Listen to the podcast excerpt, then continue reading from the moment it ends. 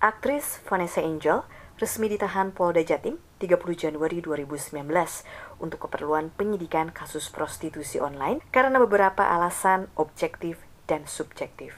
Dalam konferensi pers di STH Indonesia Jentera bersama Institute for Criminal Justice Reform atau ICJR di Jakarta Jumat 1 Februari 2019, Direktur Program ICJR Erasmus Napitupulu mengatakan, apa urgensinya Vanessa Angel ditahan dalam proses penyidikan ini. Padahal jika dilihat dari kasus lain, seperti kasus Ahmad Dhani, pentolan grup band Dewa 19 ini tidak ditahan selama proses penyidikan. Ia juga mempertanyakan kenapa pihak kepolisian melakukan penahanan tersebut, padahal Vanessa sudah sangat kooperatif. Ditambahkannya, kekhawatiran pihak kepolisian akan Vanessa Angel yang akan kabur menghilangkan barang bukti dan lain-lain terlalu berlebihan. Saya sih pribadi menilai dan teman-teman menilai bahwa khawatirannya terlalu berlebihan di kepolisian. Apa yang mau dilakukan Vanessa Angel? E, khawatirannya kan mulai perbuatan, menghilangkan alat bukti, lalu kemudian kabur dan lain-lain. Ini kan yang harus diuji oleh aparat penegak hukum. Selama ini dia berkelakuan baik kok bagi kami. Dia itikatnya baik, dipanggil datang. Bahkan di hari penahanannya saja dia datang untuk kemudian diperiksa. Lalu kemudian apa urgensinya dilakukan penahanan? Nah, itu bukan bermaksud menuduh kepolisian, tapi itu yang diuji oleh lawyernya Vanessa Angel dan harus dibuktikan oleh aparat penegak hukum bahwa memang penahanan itu dibutuhkan karena kekhawatiran itu. Menurutnya, di sinilah letak masalah terbesar di Indonesia dalam hal penahanan, yaitu masalah kewenangan. Aparat kepolisian di Indonesia dinilai terlalu gampang untuk menahan seseorang yang tersangkut kasus hukum. Sementara transparansi dan akuntabilitasnya minim sekali. Penahanan bukan cara yang efektif untuk membantu penyidikan, malah akan menambah masalah lainnya, seperti timbulnya korupsi dalam penahanan. Seperti salah satunya, jual beli sel tahanan mewah di lapas dan over kapasitas yang terjadi di rutan dan lapas di Indonesia. Ada di bawah meja yang tidak pernah terlihat yaitu korupsi yang muncul karena adanya penahanan. Mana kemudian penggunaan fasilitas di dalam lapas diperjualbeli, misalnya kayak napi kasus korupsi, wah rame-rame dimaki-maki. Apa bikin kamar mandinya bagus?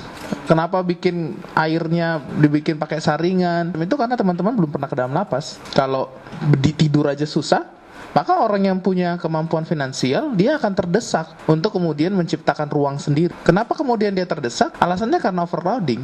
Kenapa overcrowding? Masalahnya ya penyakit gulanya tadi penahanan. Dalam kesempatan yang sama, pengajar hukum pidana STH Indonesia Jentera, Miko Ginting mengatakan, ada salah paradigma dalam aparat kepolisian tentang mekanisme penahanan itu sendiri. Menurutnya, penahanan dalam mekanisme penyidikan bukan sesuatu keharusan yang dilakukan oleh pihak kepolisian. Di dalam KUHAP Indonesia, memang penahanan dalam mekanisme penyidikan adalah untuk keperluan penyidikan. Namun, yang perlu digarisbawahi adalah selama ini keperluan penahanan itu tidak pernah diuji secara khusus oleh kuasa hukum seseorang yang tersangkut kasus hukum. Selain itu, proses pra peradilan yang tidak efisien menjadikan tersangka itu pasrah ketika harus ditahan dalam proses penyidikan. Menurutnya, uji terhadap penahanan tersebut penting adanya untuk mengelaborasi urgensi daripada penahanan tersebut. Itu yang saya ingin katakan bahwa sebenarnya satu, penahanan itu nggak wajib, nggak harus. Penahanan itu dia perlu. Ada keperluan untuk menahan. Keperluannya apa? Untuk kepentingan pemeriksaan. Kalau kepentingan pemeriksaannya tidak mengharuskan untuk, tidak memerlukan untuk penahanan, dia tidak usah ditahan. Atau kepentingan pemeriksaan sudah selesai, ya sudah dikeluarkan dari tahanan gitu. Ini seakan-akan kritik ya bagi penegak hukum bahwa seakan-akan penahanan itu wajib atau harus. Miko menambahkan untuk mengatasi permasalahan yang selalu berulang ini diperlukan perubahan sistem dalam KUHAP tentang mekanisme penahanan ini sesegera mungkin agar permasalahan lain seperti praktik korupsi dan kelebihan kapasitas dalam rutan lapas di Indonesia bisa teratasi dengan baik.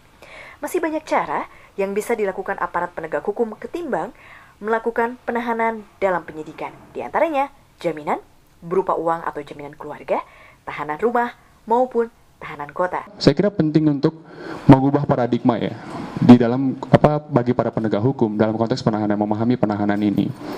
Yang kedua sebenarnya saya kira tidak ada jalan lain selain bahwa ketentuan mengenai penahanan itu harus direformasi. Sehingga syarat untuk melakukan penahanan keperluan untuk melakukan penahanan itu lebih ketat. Ditambah dengan mekanisme ujinya harus lebih berimbang gitu. Dari Jakarta Gita Intan melaporkan untuk VOA Washington